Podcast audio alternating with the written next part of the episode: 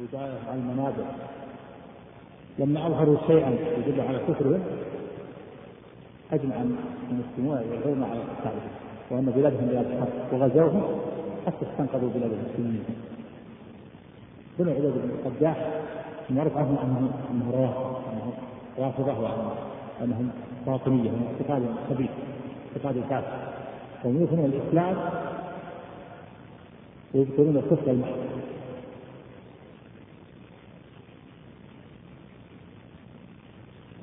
ويظهرون الرفق ويكون الكفر. المحض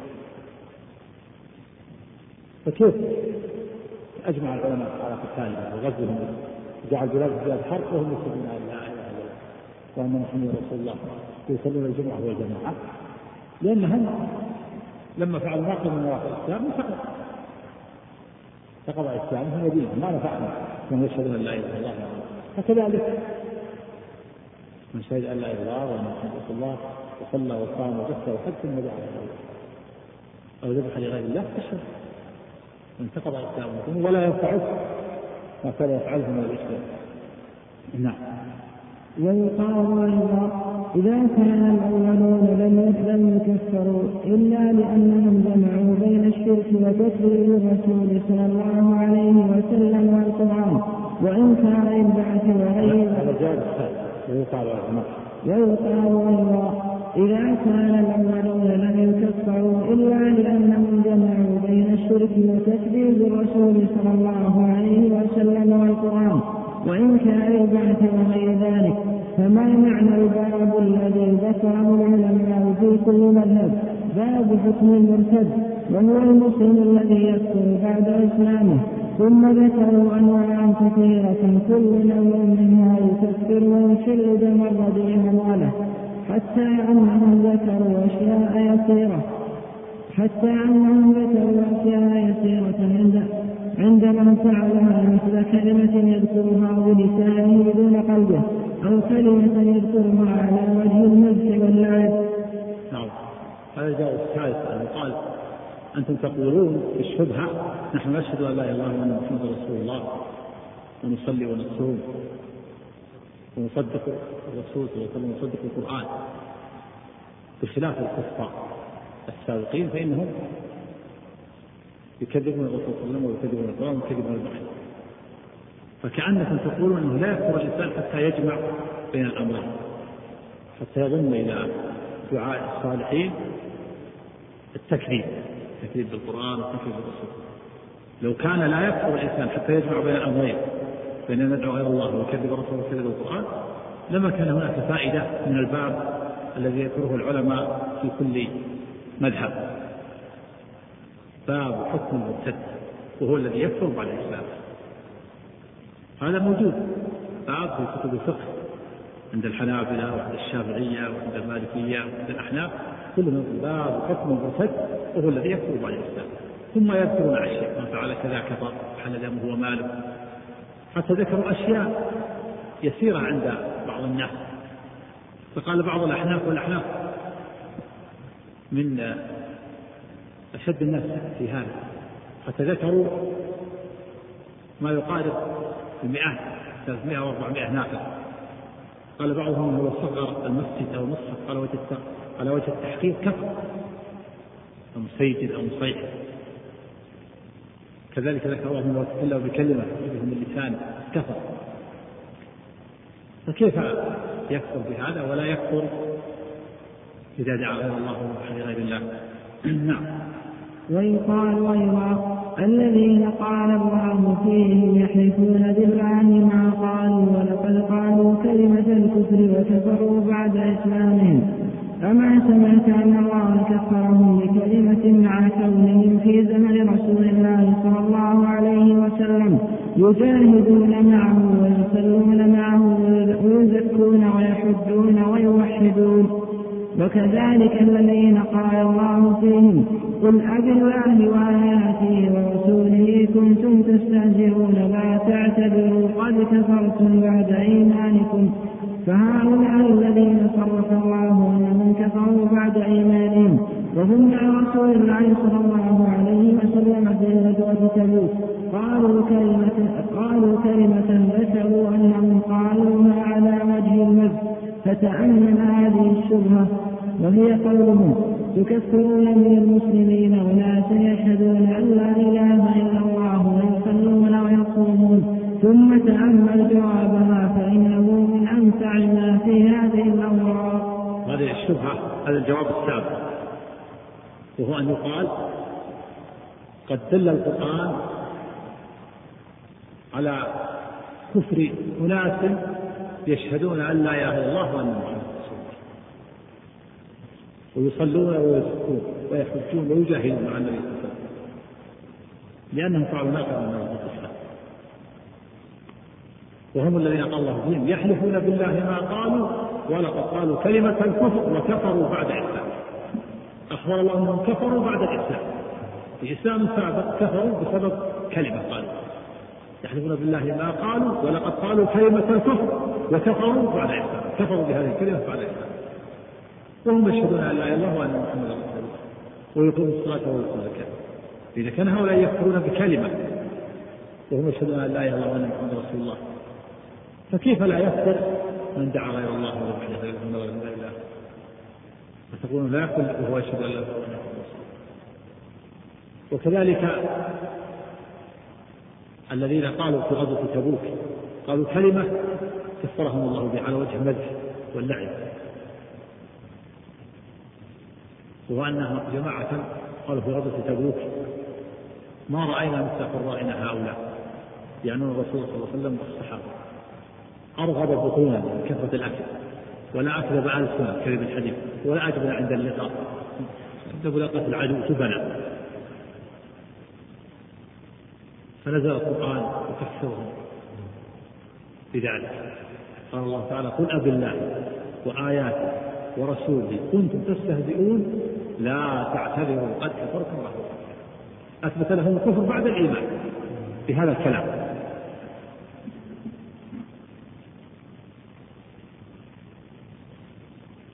فجاءوا فجاء هؤلاء يعتذرون إلى النبي صلى الله عليه وسلم وقالوا يا رسول الله ما قصدنا حقيقة الكلام. إنما أردنا إنما تكلمنا بكلمات على وجه المزح واللعب نمزح. نتحدث حديث الرفع نقطع به عن الطريق. والنبي صلى الله عليه وسلم ما يزيد سوى أن يتلو هذه الآية. أبالله وآياته ورسوله كنتم تستهزئون؟ لا تعتذروا قد كفرتم بعد الله وهم يعتذرون يحاولون أن يسمح لهم النبي صلى الله عليه وسلم. يقول يا رسول الله ما قصدنا الحقيقة؟ إنما نتحدث حديث الركب. نقطع به عن الطريق. نقطع حتى ينتهي الطريق. فنزل القرآن بتكفيره إذا كان هؤلاء يجاهدون مع النبي صلى الله عليه وسلم ويصلون ويصومون ومع ذلك لما تكلموا بهذه الكلمة أخبر الله أنهم كفروا بعد إيمانهم فكيف يقال بعد هذا؟ كيف يقول هؤلاء؟ إنا نحن نشهد أن الله وأن محمد رسول الله. ونقيم الصلاة ونصدق الرسول والقرآن. وأنتم تكفرون بدعاء الصالحين. تكفرون المسلمين. أيهما أشد كلمة يتكلم بها أو أو عبادة تصرف بغير الله. أشد؟ نعم. ومن الدليل على ذلك أيضا ما حكى الله عن بني إسرائيل مع إسلامهم وعلمهم وصلاحهم أنهم قالوا لموسى اجعل لنا إلها كما لهم آلهة. وقول أناس من الصحابة اجعل لنا ذات أنواط. اجعل لنا ذات أنواط. فحلف رسول الله صلى الله عليه وسلم أن أن هذا مثل قول بني إسرائيل لموسى اجعل لنا إلها. ولكن المشركين شبهة هذا هذا دليل فصله المؤلف يصلح أن يكون جواب تام يكون ثمانية أجوبة. لكن المؤلف قال فصل عنه. لكنه جواب تام يكون جواب ثامن. الحمد لله. وهو أن بني إسرائيل الذين كانوا مع موسى عليه الصلاة والسلام كانوا معه مؤمنين مع صلح صلاحهم وعلمهم وهم الخلاصة من بني إسرائيل الذين شهدوا فرعون وقد أغرقه الله وقومه ونجاهم الله وهم ينظرون وأهلك عدوهم وهم ينظرون مع موسى مع موسى قائده موسى عليه الصلاة والسلام وفرعون معه الكفار. فتبع فرعون ومن معه موسى ومن معه يطلبون يطلبهم. بقتالهم فلما أقبل جيش فرعون وتراءى جمعان ورآه جيش موسى خاف بنو وقالوا يا موسى إنا لمدركون. جاءنا فرعون ومن معه. فرعون ومن معه خلفنا والبحر أمامنا ماذا نعمل؟ أدركنا أدركنا فرعون يطلبهم قال موسى كلا لستم بمدركين إن, إن, إن معي ربي سيهدين فلما وصل البحر أمر الله موسى أن يضرب البحر بعصاه فضربه فانفلق البحر فصار اثني عشر طريقا. يبسا في الحال صار كالطود العظيم. صارت أمواج البحار كأنها جبال. عن عن يمين الداخل وعن شمال والوسط يابس. يابس كان الطريق معبد اثني عشر طريقة سلكت القبائل كل طريقة سلكت كل قبيلة سلكت طريق مرتاحين. يمشون على أرض يابسة. في البحر وسط البحر. هذا من الدافع العظيم على أن الله على كل شيء قدير. فدخلوا. فلما جاء فرعون وقومه يتبعونهم يريدونهم رآهم دخلوا البحر ورأوا البحر يابس. صار يابس الأرض دخل تبعوه تبعوه. ثم خرج موسى وقومه من الجهة الأخرى. من الجهة الأخرى خرج موسى ومن معه. وتكامل موسى ومن معه من الجهة الأخرى خارجين. وتكامل فرعون وقومه داخلين.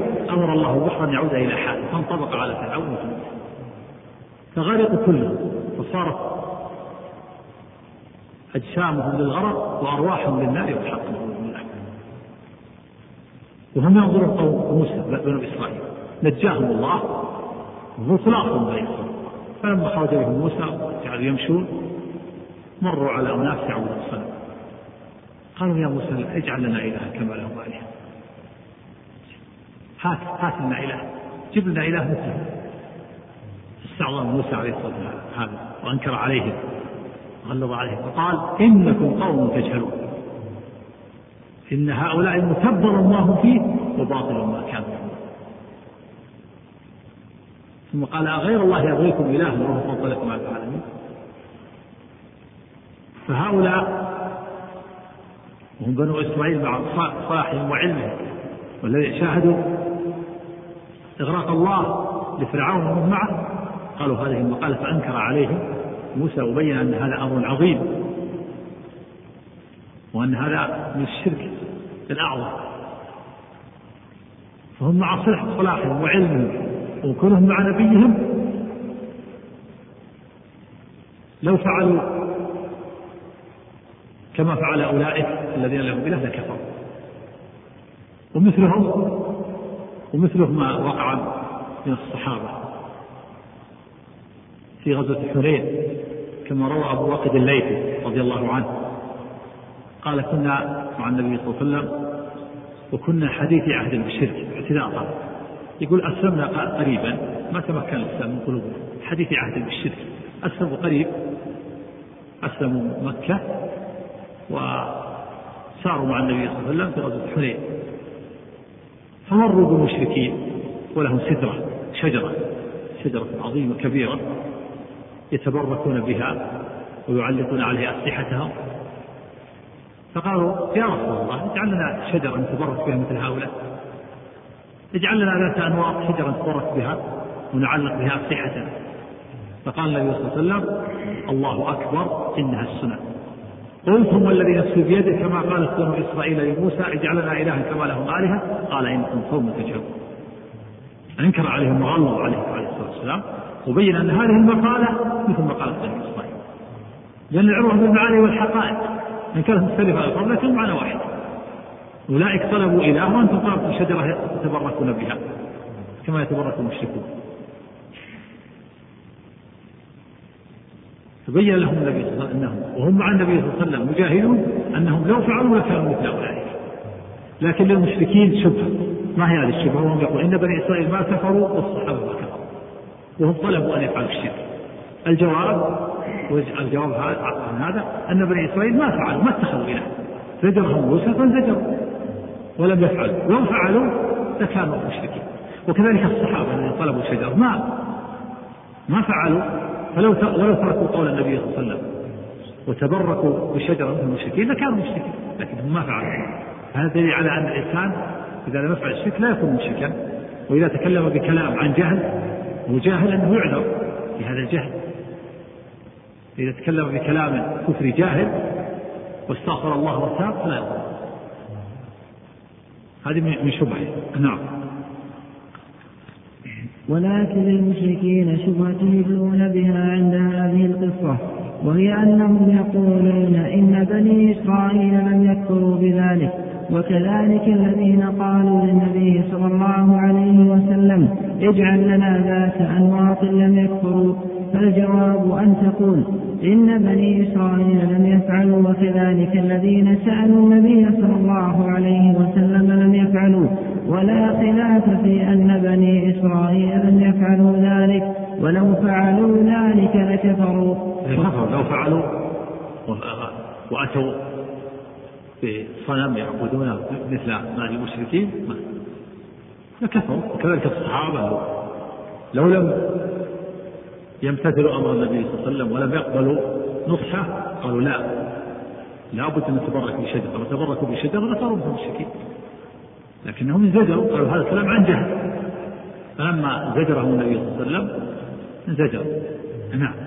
وكذلك لا خلاف أن الذين نهاهم النبي صلى الله عليه وسلم لو لم يطيعوه واتخذوا ذات أنواط بعد نهيه لكفروا وهذا هو المطلوب. ولكن هذه القصة تفيد أن المسلم بل العالم قد يقع في أنواع من الشرك لا يدري عنها.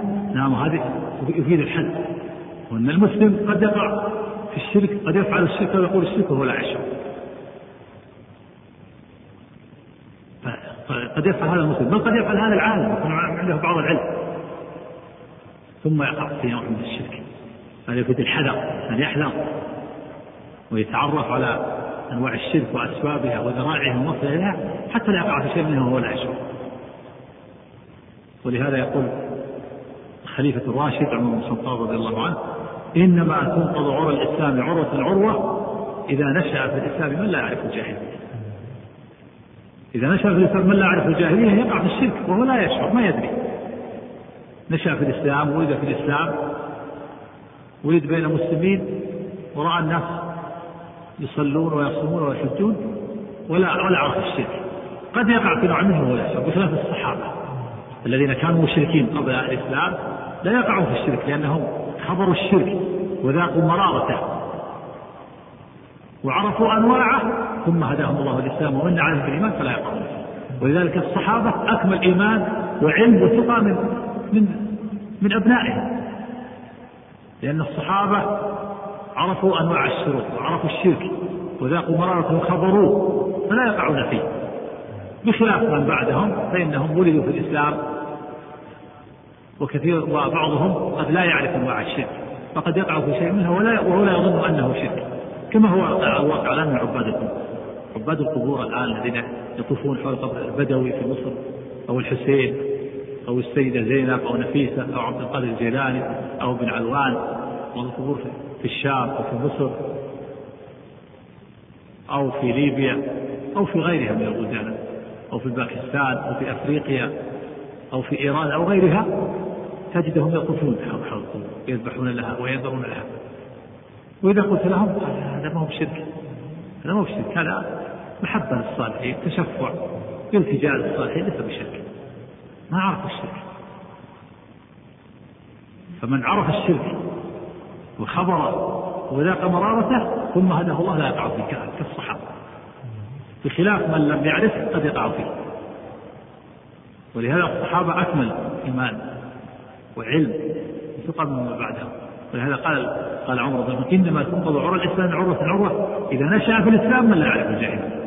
ما يعرف الجاهلية ولا يعرف الشرك قد يقع فيها ولا يشعر نعم. ولكن هذه نعم.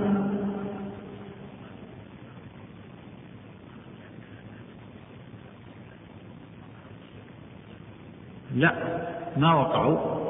تكلموا بهذه الكلمة ما وقعوا. يجعلها الأنواط ما ما, ما فعلوا. ولا تبركوا بالشجرة لكن زجرهم النبي طلبوا طلبوا أن يفعلوا الشرك جهدا عن جهل فزجرهم النبي فلم يفعل. وسيأتي الفائدة الثانية يذكر المؤلف أنه الإنسان قد يتكلم بكلمة كفر جاهل وهو لا يدري فيكون معذور في هذه الحالة.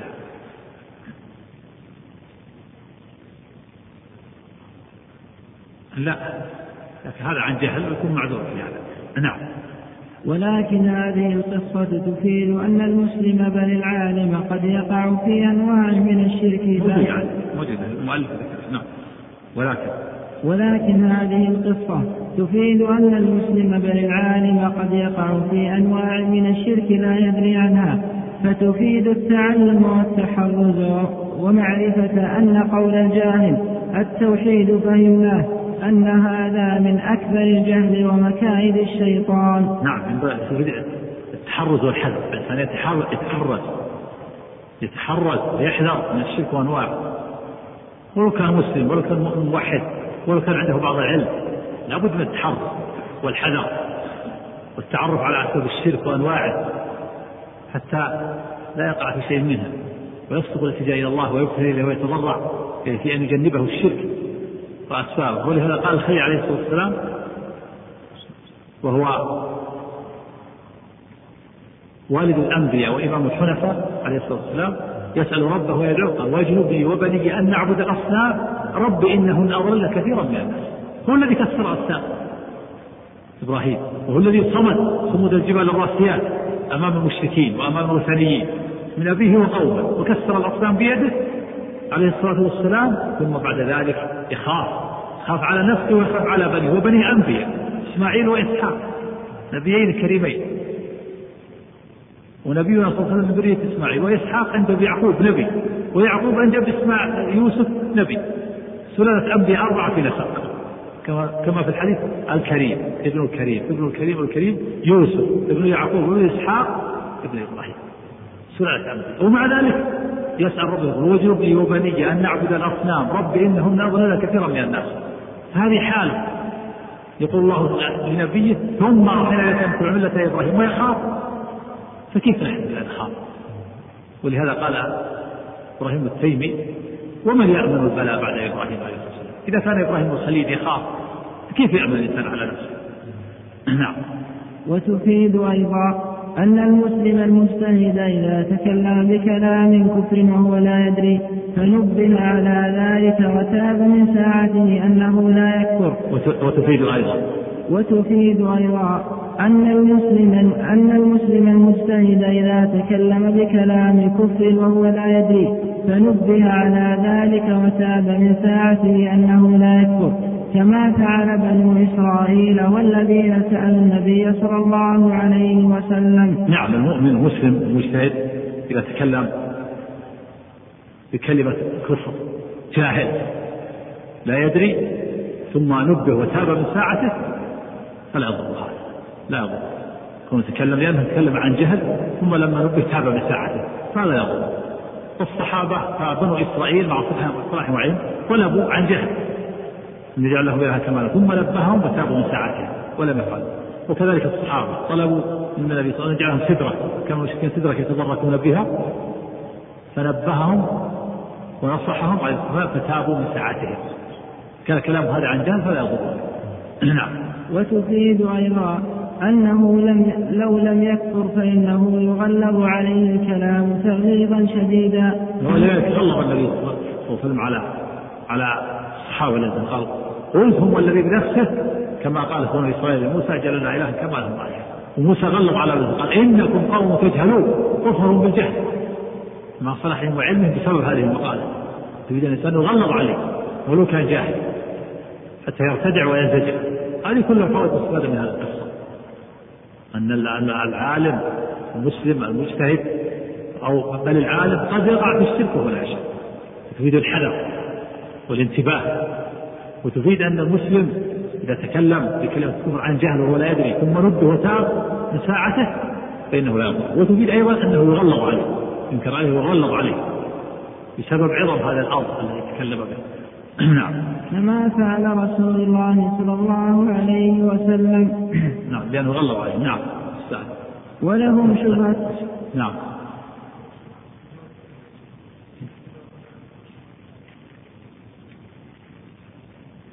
أنهم لو فعلوا لكانوا لو فعلوا لكانوا مشركين. لو فعلوا ما طلبوا لكانوا مشركين. ولا ينفعهم كونهم كونهم مع موسى مع علم وصاحب وكذلك الصحابة كونهم مع النبي صلى الله عليه وسلم يجاهدون لو تبرع فعلوا الشرك لكفروا. وهم يشهدون ان لا اله وأن محمدا رسول الله يجاهدون نعم. ولهم شبهة أخرى يقولون إن النبي صلى الله عليه وسلم أنكر على أسامة قتل من قال لا إله إلا الله وقال أقتلته بعدما قال لا إله إلا الله. وكذلك قوله. طيب ممكن ممكن نسأل عن الأجوبة أجوبة هذه الشبهة؟ قبل أن ندخل الشبهة هذه شبهة جديدة لهم. الشبهة أولا نريد تصوير الشبهة.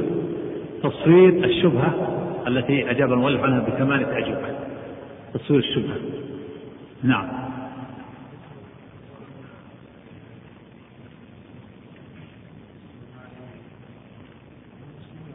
نعم. ونقر. نقول نحن نشهد أن لا إله إلا الله وان محمد رسول الله ونؤمن برسالة محمد ونؤمن بالقرآن ونؤمن بالبعث ونصلي ونصوم. فكيف تجعلون مشركين بسبب الاعتداء الصالحين الصالحين ودعاء إليهم؟ وتجعلون مثل الكفار في زمن النبي صلى الله عليه وسلم. والكفار في زمن النبي صلى الله عليه وسلم لا يشهدون لا إله إلا الله. ويكذبون الرسول صلى الله عليه وسلم ويكذبون القرآن ويقولون عن القران سحر وشعر الكهانه ولا يصلون ولا يصومون ويكذبون بعض فكيف تجعلوننا مثلهم؟ هذه إيش؟ هذه الشبهة. المؤلف أجاب عنها بثمانية أجوبة ثمانية أجوبة الجواب الأول.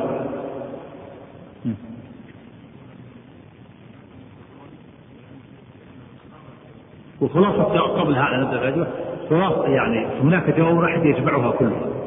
وهو أن من فعل ناقضا من نواقض الإسلام انتقض الإسلام بدين مطلقا. ولو ولا ينفعه كونه يتلفظ بالشهادتين أو يقر بالشهادتين أو يصوم ويصلي ويزكي. إذا فعل ناقض من نواقض الإسلام بطل. الإسلام هو دينه وتوحيده بإجماع المسلمين. لأن هذا الناقض ينقض توحيده وإسلامه كما لو تطهر الإنسان وأحسن الطهارة وتوضأ وأحسن الوضوء ثم خرج منه البول أو غائط أو ريح بطلت الطهارة. وفسد وفسدت الطهارة بالحدث. فالحدث يفسد الطهارة كذلك الناس من نواقض الإسلام يفسد التوحيد والإيمان. هذا هذا جواب يجمعها طيب الجواب الأول. تفضل.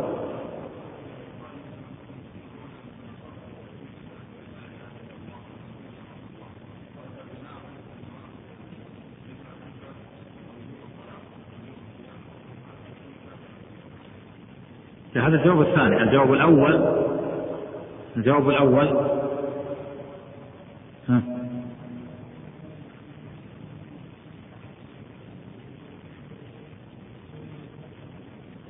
نعم. وكذلك من آمن ببعض ما جاء به الرسول ولا نؤمن بالبعض الآخر هذا لا خلاف الجواب أن نقول لا خلاف بين أهل العلم أن من صدق الرسول فيما جاء في بعض ما جاء به وكذبه في بعض الآخر كفر. فإذا صدق في وجوب التوحيد وكذب في وجوب الصلاة كفر. وإذا صدق في وجوب التوحيد ووجوب الصلاة وكذب في وجوب الزكاة كفر وإذا صدق في وجوب التوحيد والصلاة والزكاة وكذب في وجوب الصوم كفر. وإذا صدق في جميع ما وكذب في في, في الإيمان بالبعث كفر. وكذب بالبعث كفر. وكذلك أيضا لو آمن ببعض ما جاء به الرسول وكفر ببعض الآخر. آمن بما جاء به من التوحيد ولكنه لم يؤمن بما جاء به من وجوب الصلاة أو وجوب الزكاة أو وجوب الحج. هذا أمر مجمع عليه وكذلك أنتم إذا كنتم تشهدون أن لا إله إلا الله وأن محمد رسول الله وتكذبوا تصدقوا الرسول وتصدقوا القرآن وتصدقوا البعث لكنكم لم تخلصوا العبادة لله. وإنما أنكرتم وجوب التوحيد لله. الله تعالى أوجب على عباده أن يعبدوه نص القرآن وأن يخلصوا له الدين. فادعوا الله مخلصا له الدين العبادة وما أمروا إلا ليعبدوا الله مخلصا له الدين حنفاء الجواب الثاني. نعم.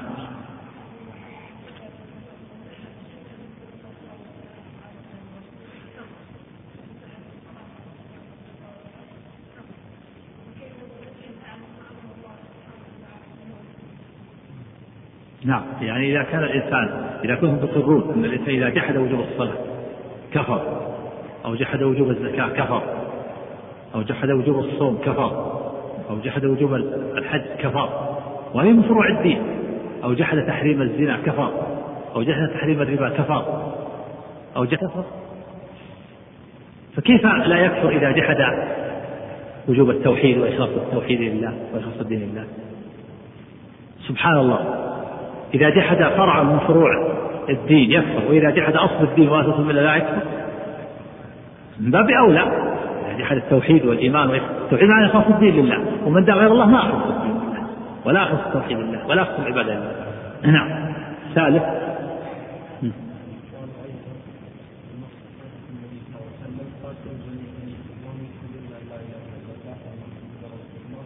ويؤذنون. بسبب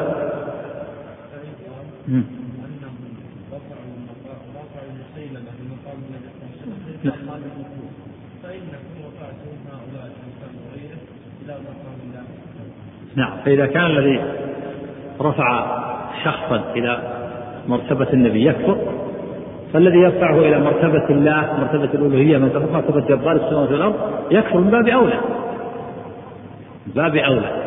إذا كان بنو حنيفة ما كفروا إلا لأنهم رفعوا مسيلمة إلى مرتبة النبي صلى الله عليه وسلم وإلى مقام النبوة فالذي يرفع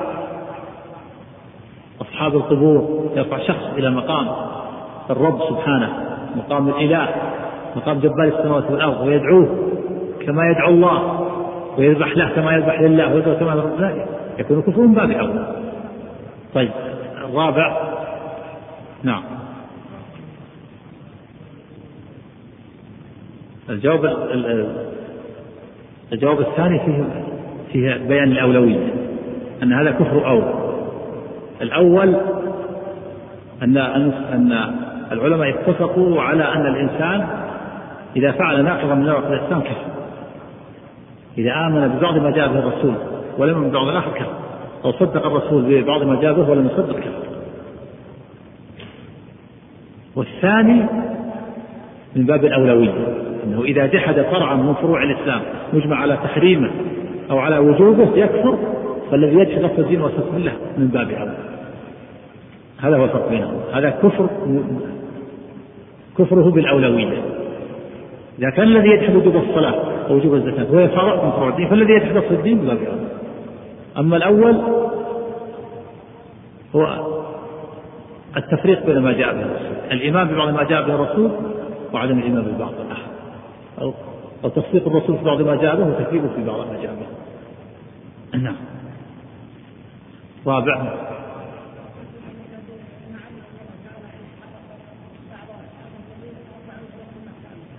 إيه. فرق الغلاة. الغلاة الذين غلوا فيه وقالوا أنت الإله حرقه وأقره الصحابة على ذلك. وهم إيش؟ وهم يصلون ويصومون وتعلموا العلم من الصحابة لماذا؟ لأنهم فعلوا ناقض من نواقض الإسلام فكذلك الذي يرفع صاحب القبر إلى مقام الله ويدعو من الله ويذبح أو يذبح له من دون الله مع الله يكون رفع إلى مقام الألوهية فيكون كافرا فما الفرق بين هذا وهذا؟ هل الصحابة يكفرون المسلمين؟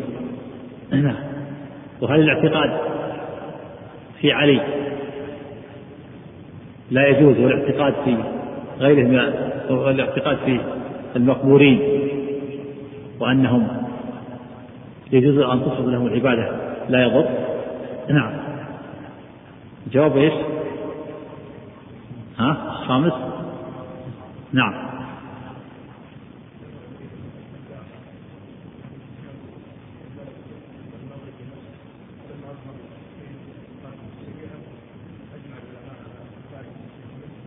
مخالفة الشريعة يعني يكفرهم. مخالفة الشريعة ويوصلهم إلى الكفر.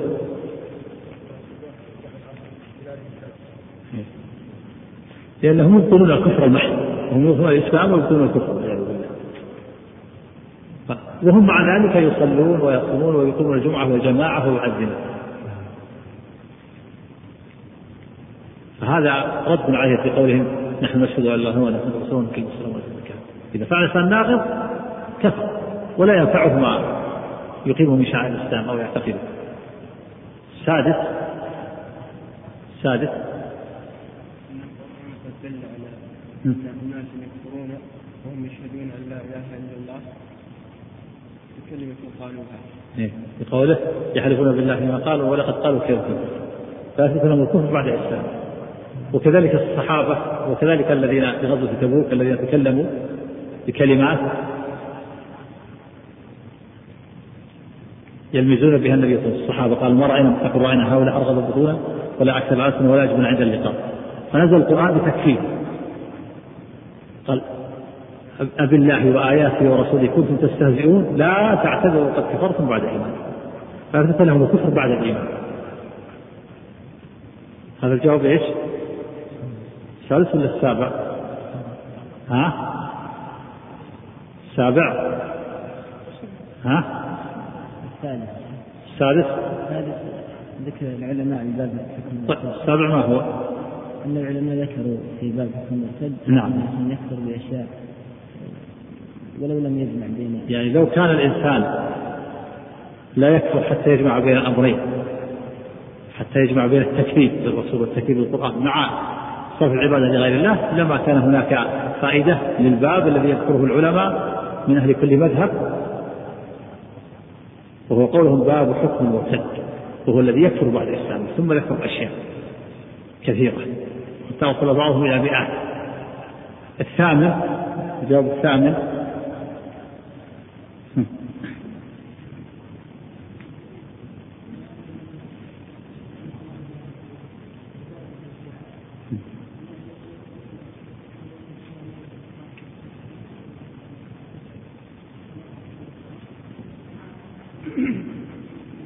نعم الذين نجاهم الله من الغرق نجاهم الله مع موسى وهم يرون إهلاك الله لفرعون. نعم.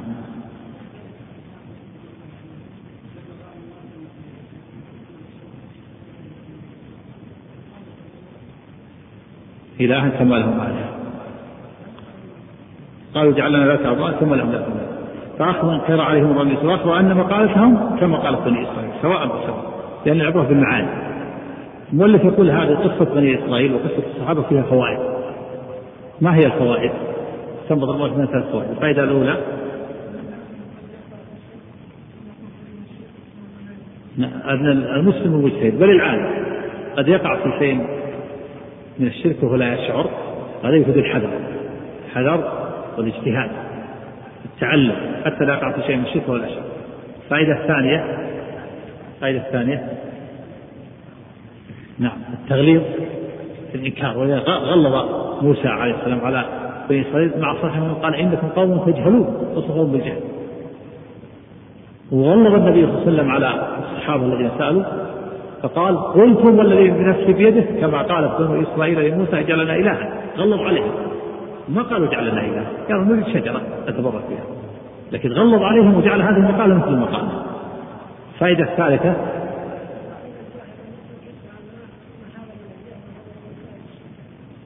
نعم هذه من فائدة الشيطان وهذه في الحذر والاجتهاد.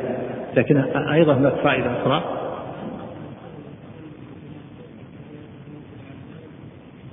وتاب من ساعته فلا. أن المسلم المجتهد إذا تكلم بكلمة الكفر. عن عن جهل. ثم نبه من ساعته وتاب فإنه لا يضره ذلك لا يضره إذا من ساعته بسبب جهله.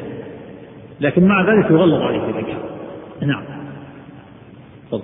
ولهم شبهة أخرى يقولون إن النبي صلى الله عليه وسلم أنكر على أسامة قتل من قال لا إله إلا الله وقال أقتلته بعدما قال لا إله إلا نعم. الله ها؟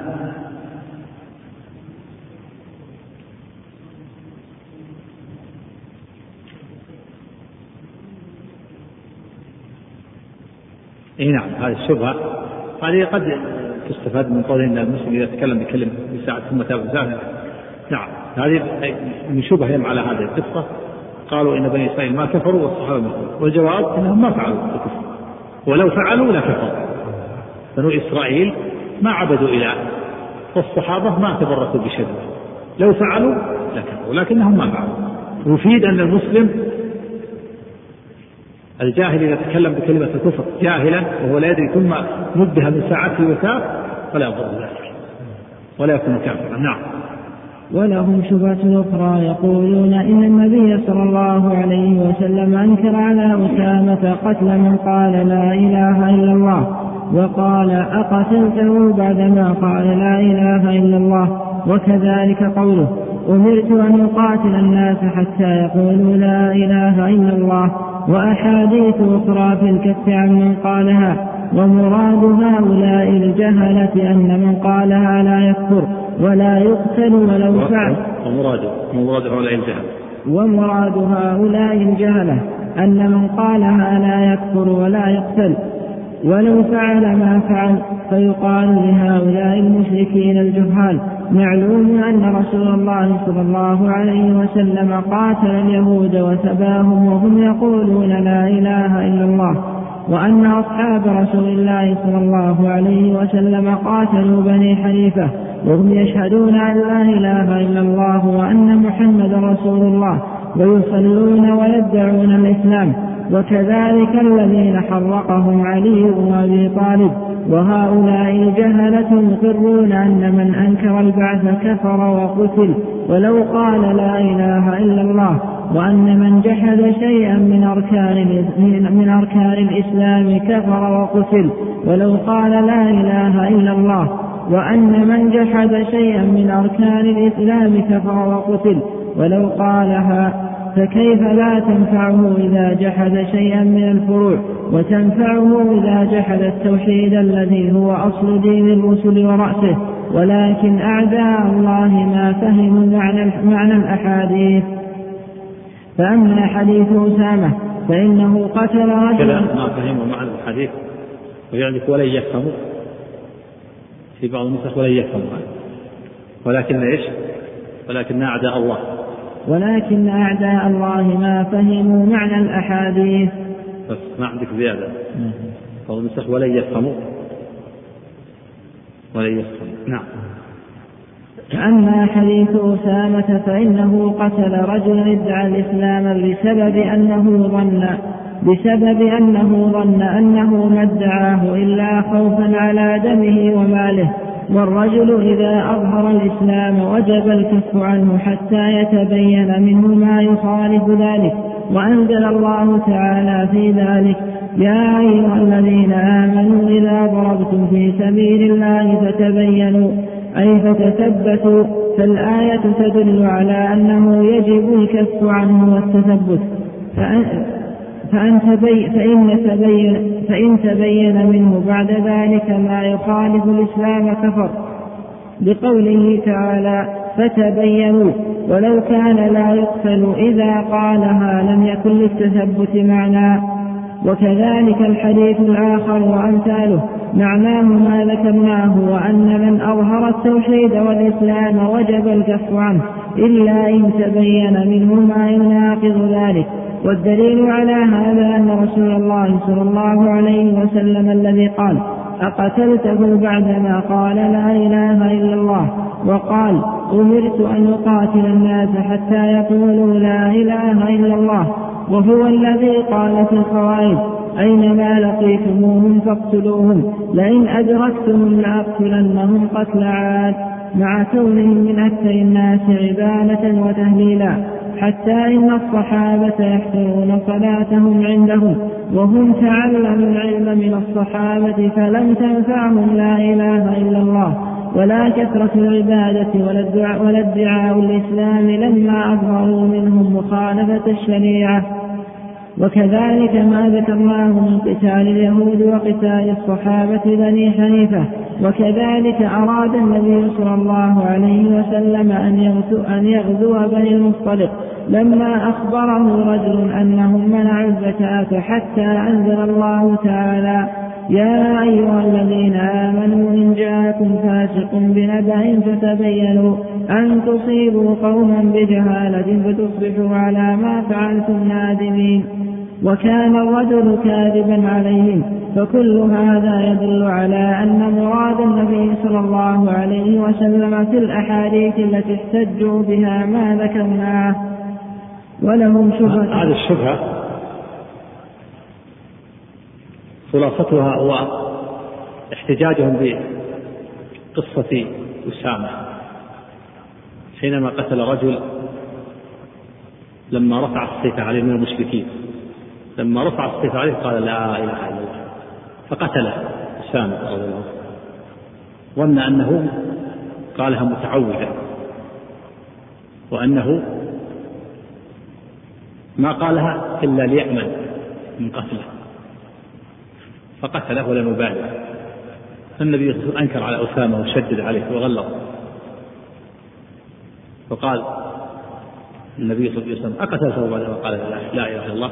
قال يا رسول الله قالها متعوذا قال أقتلته بعدما قال لا إله إلا الله؟ قال يا رسول الله رفعت عليه السيف. فلما رفع السيف قال لا إله إلا الله. إنما قالها متعوذا ما قال عن إيمان قال قال أشققت عن قلبه. كيف تفعل بلا إله إلا الله إذا جاءت يوم القيامة؟ ومن في بعض الروايات قال اللهم إني أبرأ إليك مما فعل أسامة. قال هذه الشبهة يقولون هذا دليل على أن من قال لا إله إلا الله صار موحد. يعني ولو فعل الشرك يكف عنه. وكذلك يستدلون بالحديث الصحيح بما ثبت في الصحيحين. أن النبي صلى الله عليه وسلم قال أمرت أن أقاتل الناس حتى يشهدوا أن لا إله إلا الله. وأني رسول الله. فإذا فعلوا ذلك عصموا مني دماءهم وأموالهم إلا بحقها وحسابهم قالوا هذا دليل على أن الإنسان إذا شهد أن لا إله إلا الله وأن محمد رسول الله وجب الكف عنه لأنه مسلم. ولا يضره بعد ذلك شيء. والجواب كما ذكر المؤلف رحمه الله. الجواب أن هناك فرق بين من دخل في الإسلام من جديد وبين من كان مسلما قبل ذلك ثم فعل ناقض من نواقض الإسلام.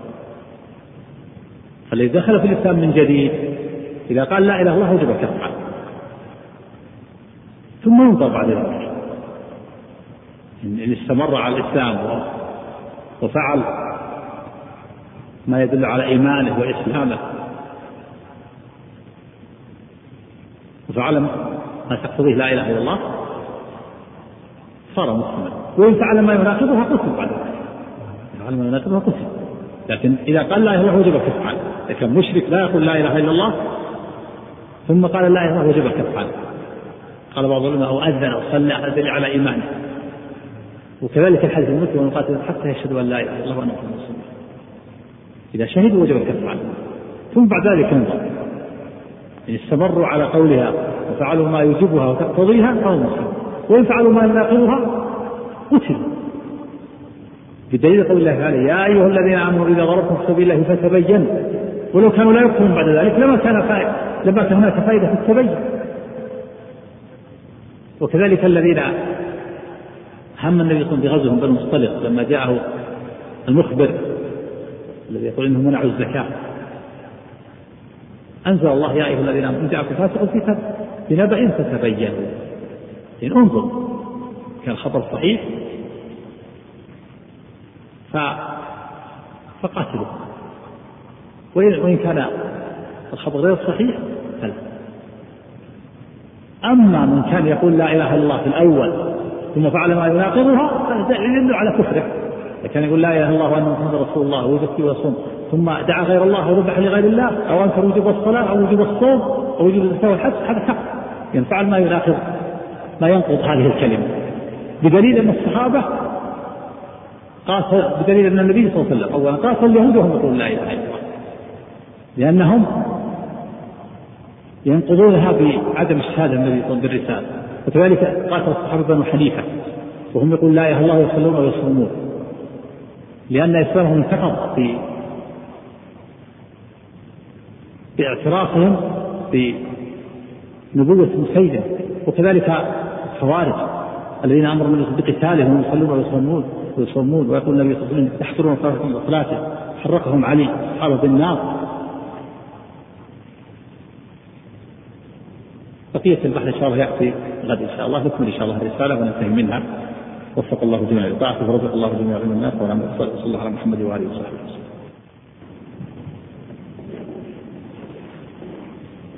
السلام عليكم ورحمة الله وبركاته.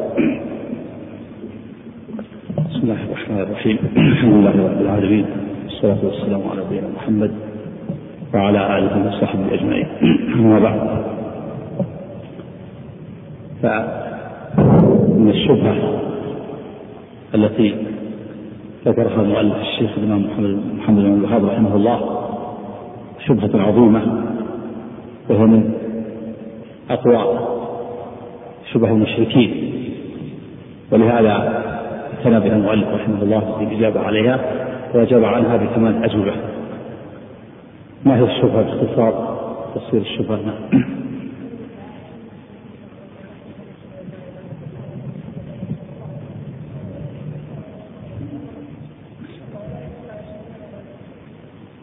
يعني يريدون يريدون أن يبرروا أنهم عليه من الشرك من دعاء الصالحين والمقبورين والذبح لهم والنذر لهم. يقول نحن الآن لسنا بالمشركين. المشركون الذين يعبدون الأصنام والأوثان. ولا يشهدون أن لا إله إلا الله ولا يشهدون أن محمدا رسول الله. بل يكذبون الرسول ويكذبون القرآن والسحر والكهانة. ويكذبون بالبعث.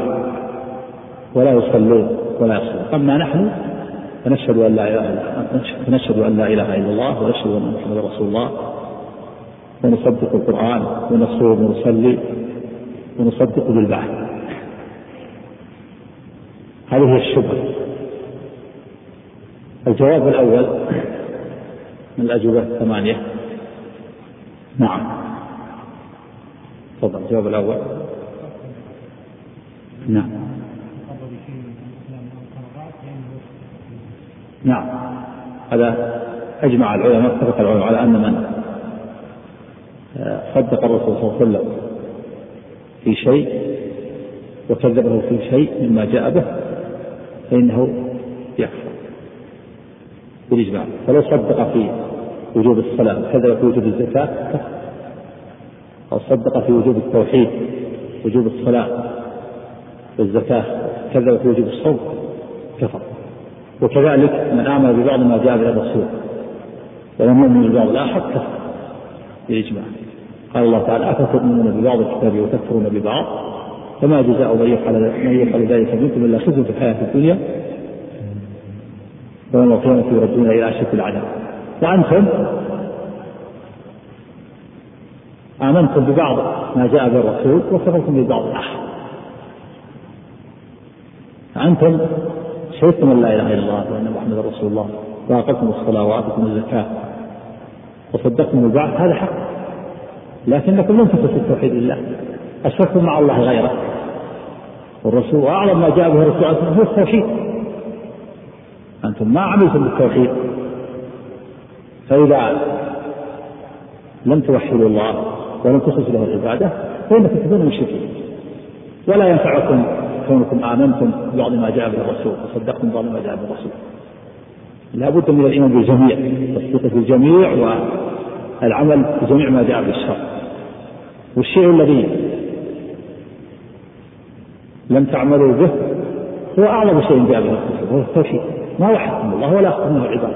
حيث دعوتم معه غيره وعبدتم معه غيره. الجواب الثاني. نعم. أحسنت. من أنكر فرعا من فروع الدين مجمع على وجوبه أو تحريمه. أنكر وجوبه إذا كان مجمعا على وجوبه أو تحريمه إذا كان على تحريمه هذا يكفر بالإجماع المثال الأول من أنكر وجوب الصلاة. هذا أمر واجب مجمع على وجوبه أو أنكر وجوب الزكاة. أو أنكر وجوب الصوم. أو الحج المثال الثاني الأمر الذي أجمع على تحريم تحريم الزنا. من أنكر تحريم الزنا؟ قال الزنا حلال. وتحريم الربا أو الخمر.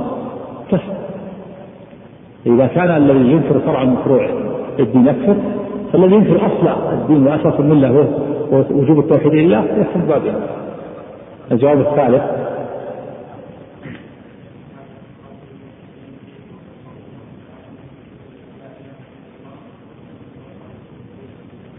وأن وأن محمد رسول الله. لكنهم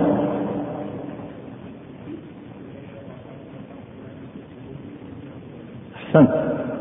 الصحابة أجمعوا على قتل بني حنيفة هم يشهدون أن لا إله إلا الله ويشهدون لنبيه صلى الله عليه وسلم بالرسالة.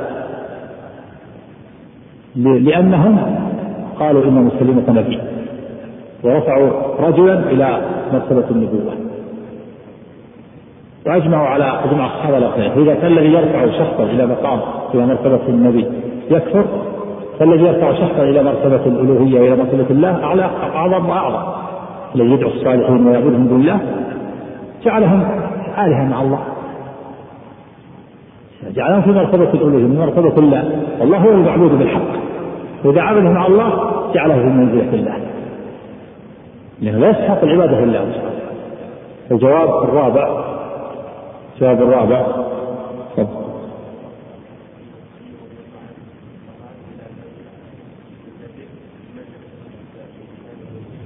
هم الذين إيش؟ الغلاة الذين حرقهم علي والصحابة بالنار. نعم. رفعوا من منزلها غلوا فيه.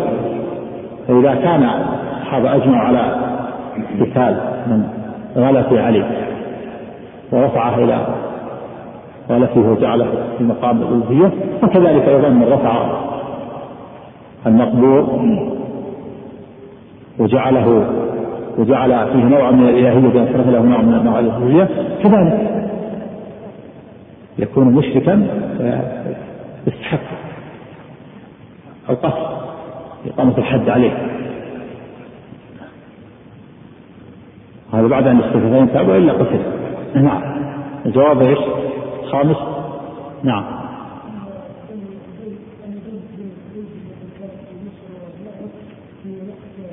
في القرن الثالث وأول القرن الرابع الهجري.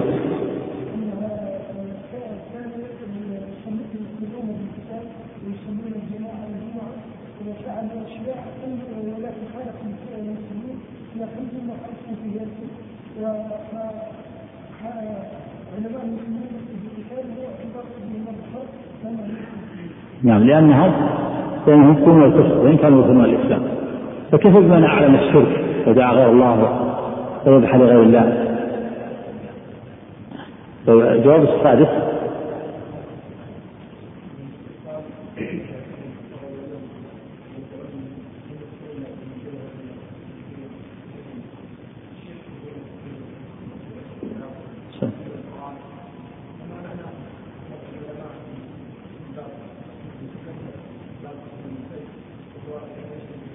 وهو الذي يكفر بعد الإسلام نعم يعني كأن هؤلاء أصحاب الشبهة يرون أنه لا يكفر حتى تجمع بين أمرين بين الشرك وبين التكذيب. لو كان كذلك لما كان هناك فائدة في الباب الذي يبوبه العلماء في كل مذهب باب الحكم المرتد وهو الذي يكفر بعد الإسلام. الجواب السابع. أن الله سبحانه كفر بعض الناس بكلمة قالوها كما قال بالله ولا كنتم تستهزئون وقال يحلفون بالله ما قالوا ولقد قالوا كلمة الكفر وكفروا بعد الإسلام. فأثبت لهم كفر بعد الإسلام. وكذلك الصحابة الذين يجاهدون مع الصحابة في غزوة الروم في غزوة الروم وكلموا بكلمة كلمات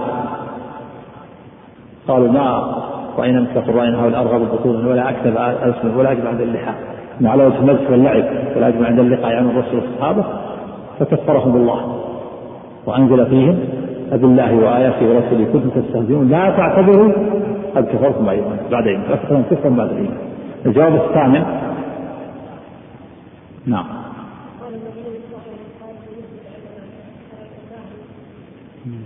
إن الذين نجاهم الله من الغرض وهم بنو إسرائيل مع موسى مع صلحهم صلاحهم وعلمهم. لما قالوا لموسى اجعل لنا إلها كما لهم آلهة.